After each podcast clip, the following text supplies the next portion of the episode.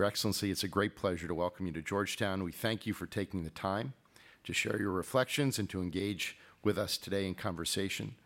Ladies and gentlemen, now please join me in welcoming our honored guest, Minister for Foreign Affairs, Margot Wallström.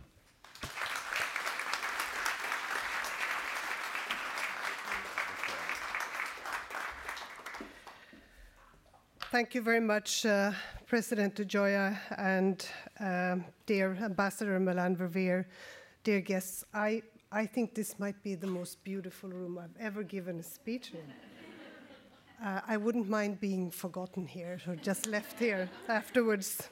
Remember that, remind me. Um, thank you so much. Uh, it's, a, it's a great pleasure and an honor to be here today. Welcome to all of you who have uh, come to to uh, join us and to listen. And thank you for hosting me and uh, uh, for having invited such a qualified and, and inspiring audience.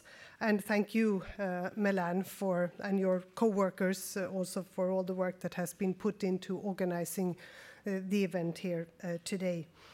Um, I truly appreciate also the important work uh, carried out at Georgetown University and Georgetown's uh, Institute for of Women, Peace and Security. Uh, I'm very happy to be able to announce today also that the links between the Swedish Ministry for Foreign Affairs and the Georgetown Institute of Women, Peace and Security grows stronger. Uh, we uh, are investing in that, and we have just initiated closer cooperation in order to grow the evidence on women, uh, peace, and security, and raise awareness uh, of uh, uh, critical issues in this field. And I think that this partnership will help shape awareness um, and the future of, of this agenda. And I hope you, as representatives of future diplomacy, will be also inspired to take an instrumental role in this uh, important work. Um, the pursuit of peace and progress cannot end after a few years in either victory or defeat. The pursuit of peace and progress, with its trials and its errors, its successes and its setbacks, can never be relaxed and never abandoned. Ladies and gentlemen, with uh, the Syrian peace talks slowly unfolding in Geneva, the words of Dag Hammarskjöld remains as relevant as ever. All of us gathered here today are too familiar uh, with the horrendous human suffering in Syria. Years of conflict have uh, forced millions uh, from their homes and uh, left hundred thousands uh, dead or wounded. A whole generation is growing up without proper access to education, security, or health care, and Syrians have become the largest refugee population in the world. Yet the true tragedy lies in Syria being only one of many protracted humanitarian crises.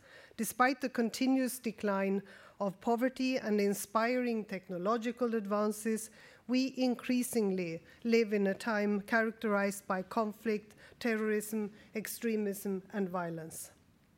The rules based multilateral order that we've come to rely upon for security uh, stands challenged by those who question the most principle, basic principles of peace and human dignity.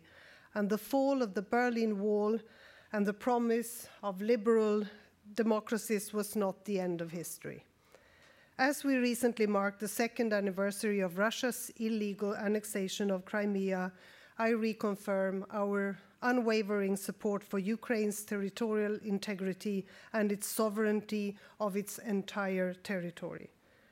Since 2011, the number of armed conflicts has increased. New conflicts have arisen in countries uh, such as Syria and Ukraine, while old ones in Yemen, Iraq, Afghanistan, and Mali have intensified.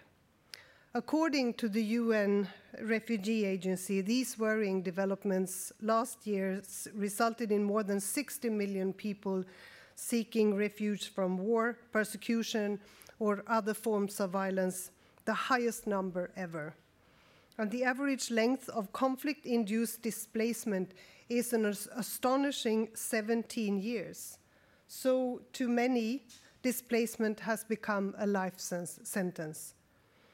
Rarely before have the links between security and development been so uh, clear. Extreme poverty is extremely, increasingly concentrated to fragile and conflict affected states. The global community spends around 25 billion US dollars on life saving assistance to 125 million devastated by wars and natural disasters. If we took all of the people who are now dependent on humanitarian assistance, it would be the eighth uh, largest country in the world. That's how many people today depend on humanitarian assistance. And while this amount is 12 times greater than 15 years ago, never before has generosity been so insufficient. The current humanitarian funding gap is estimated to a staggering 15 billion US dollars. So, ladies and gentlemen, this cannot continue. Although many humanitarian appeals remain unanswered, the issue of increasing humanitarian needs is not a humanitarian problem. It is political. We desperately need to think innovatively and boldly how to address the root causes fueling conflict and find means to support sustainable peace. And to do this, I would like today to mention three main tasks. Firstly, we need to improve the means by which we prevent conflicts from materializing in the first place. Building so societal res resilience must be at the core of all our efforts. Secondly, we have to be more effectively uh, uh, to more effectively end conflicts and ensure that peace is sustainable and inclusive. Uh, thirdly, states as well as international and regional organizations must increase their efforts in support of peaceful societies. Because security is built together with others, and this is uh, an area where I still see plenty of room for improvement. So, how do we more effectively prevent conflicts? How do we build inclusive social, political, and economic structures that constrain the forces of violence? In 2015, global leaders committed to leave no one behind. Agenda 2030 is a testament of impressive political will.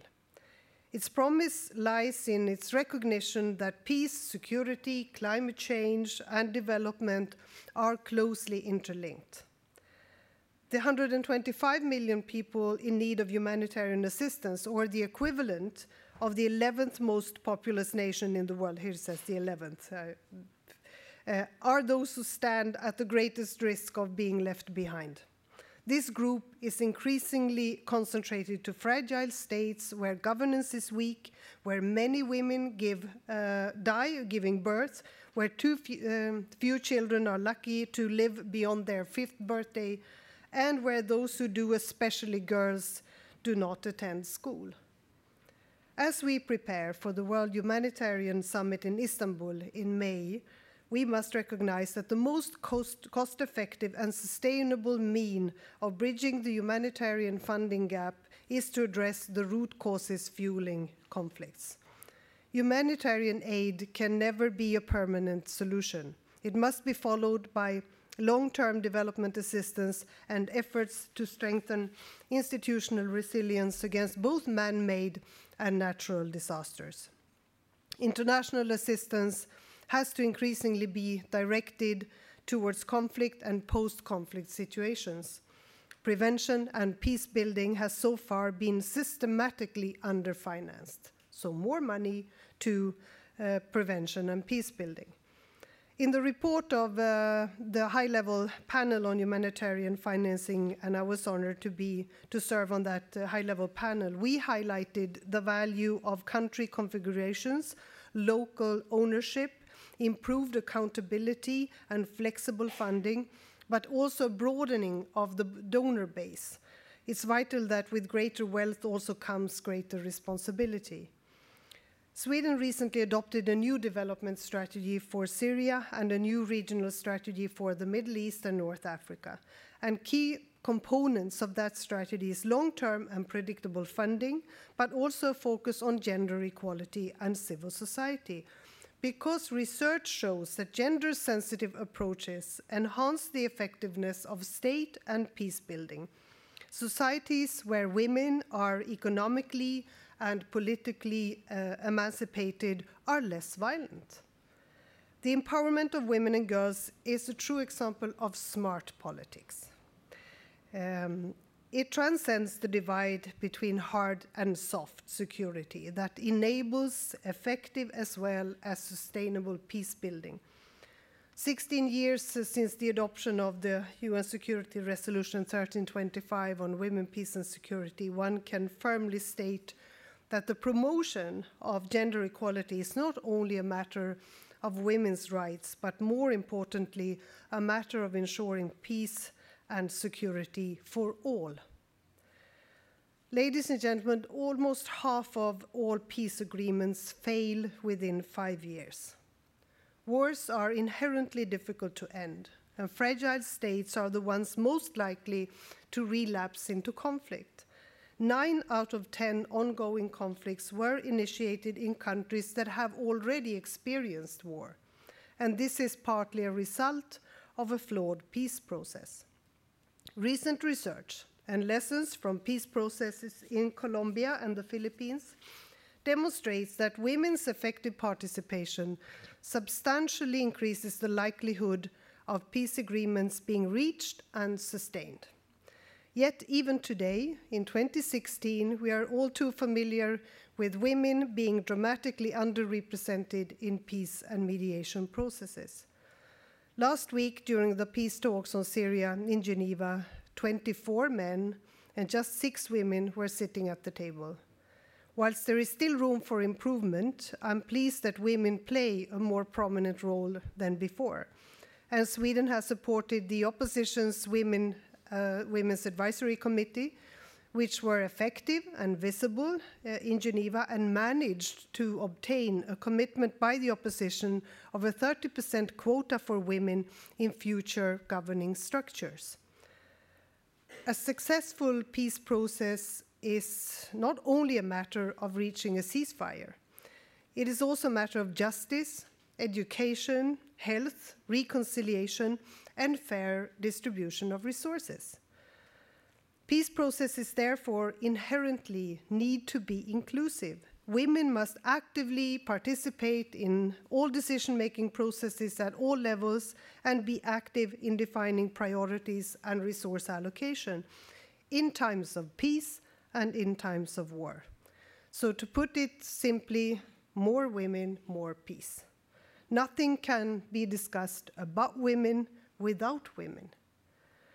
And wherever I've traveled in the world, from Ukraine to Colombia to the, the, the DRC, I've met brave women who strive to de escalate violence and to promote initiatives for peace, who do not want to be seen only as victims, but actors for change, often in very dangerous environments where the personal risks are extreme and the work of these women is commendable and deserves our full support and long term commitment. And so does all of the, those that defend women uh, who, uh, who work for, for peace. Uh, it's called the Femme Defenders, so I think we also have to recognize their role. With the assumed talks on the Syrian crisis in Geneva, we have therefore taken steps to not only support Staffan de Mistura, and the participation of civil society, but uh, also support the inclusion of women peace builders at the talks. As part of my government's broader feminist foreign policy, we have also initiated a Swedish network of women peace mediators, and we are simultaneously taking part in the development of a Nordic women's mediator network. And the goal of this process is not only to strengthen our national capabilities, but more importantly, to cross, cut, cut, across traditional divides and create um, cooperative networks with international women mediation teams from across the globe so that we don't have to hear again that there are no women negotiators or mediators. Yes, there are, and there will be. Finally, ladies and gentlemen, security is built together with others. Uh, with several drawn out conflicts, the continued scourge of terrorism, systematic sexual violence, and the largest refugee crisis in modern history, it is clear that the international order has not succeeded in its core task to ensure peace and security for all. For too long was the UN Security Council unable to agree upon a roadmap towards peace in Syria. Despite early warnings, the international system has still not adequately responded to developments in Burundi. Yet, at the same time, persistent and patient negotiations between the EU 3 plus 3 and Iran successfully resulted in an agreement on the nuclear issue. Both the successes and failures of recent demonstrate the primacy of politics and the importance of multilateralism. We need to recommit to international standards and norms. And I would like to call for an, a new global compact for peace. 2015 was an important year for global governance with worldwide uh, agreements on disaster risk reduction, development financing, Agenda 2030, and climate change. Now is the time to allocate resources and shift focus to implementation. As the United Nations is re renewing its, reviewing its peace and security agenda, it is crucial that it assumes its leading role in ensuring international policy coherence for peace and security.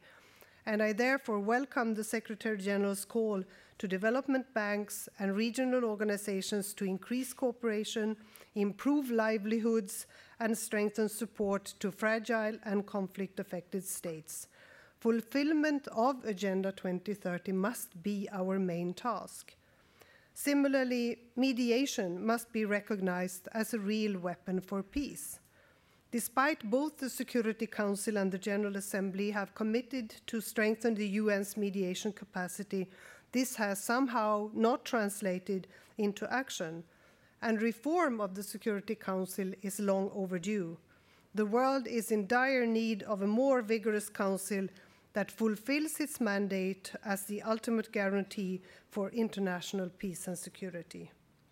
A more capable UN is also UN working in tandem with regional organizations. We need to promote processes that strengthen regional interdependence and constrain the forces of violence. And I therefore welcome close cooperation between the UN, the European Union, and the African Union, as well as other regional and sub-regional organizations that might be the first to sense and understand early warning signals before conflicts.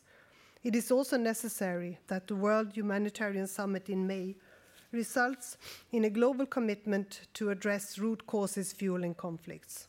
Both short and long-term aid must contribute to strengthen resilience. Regional organizations and development banks all have important role uh, roles in this regard.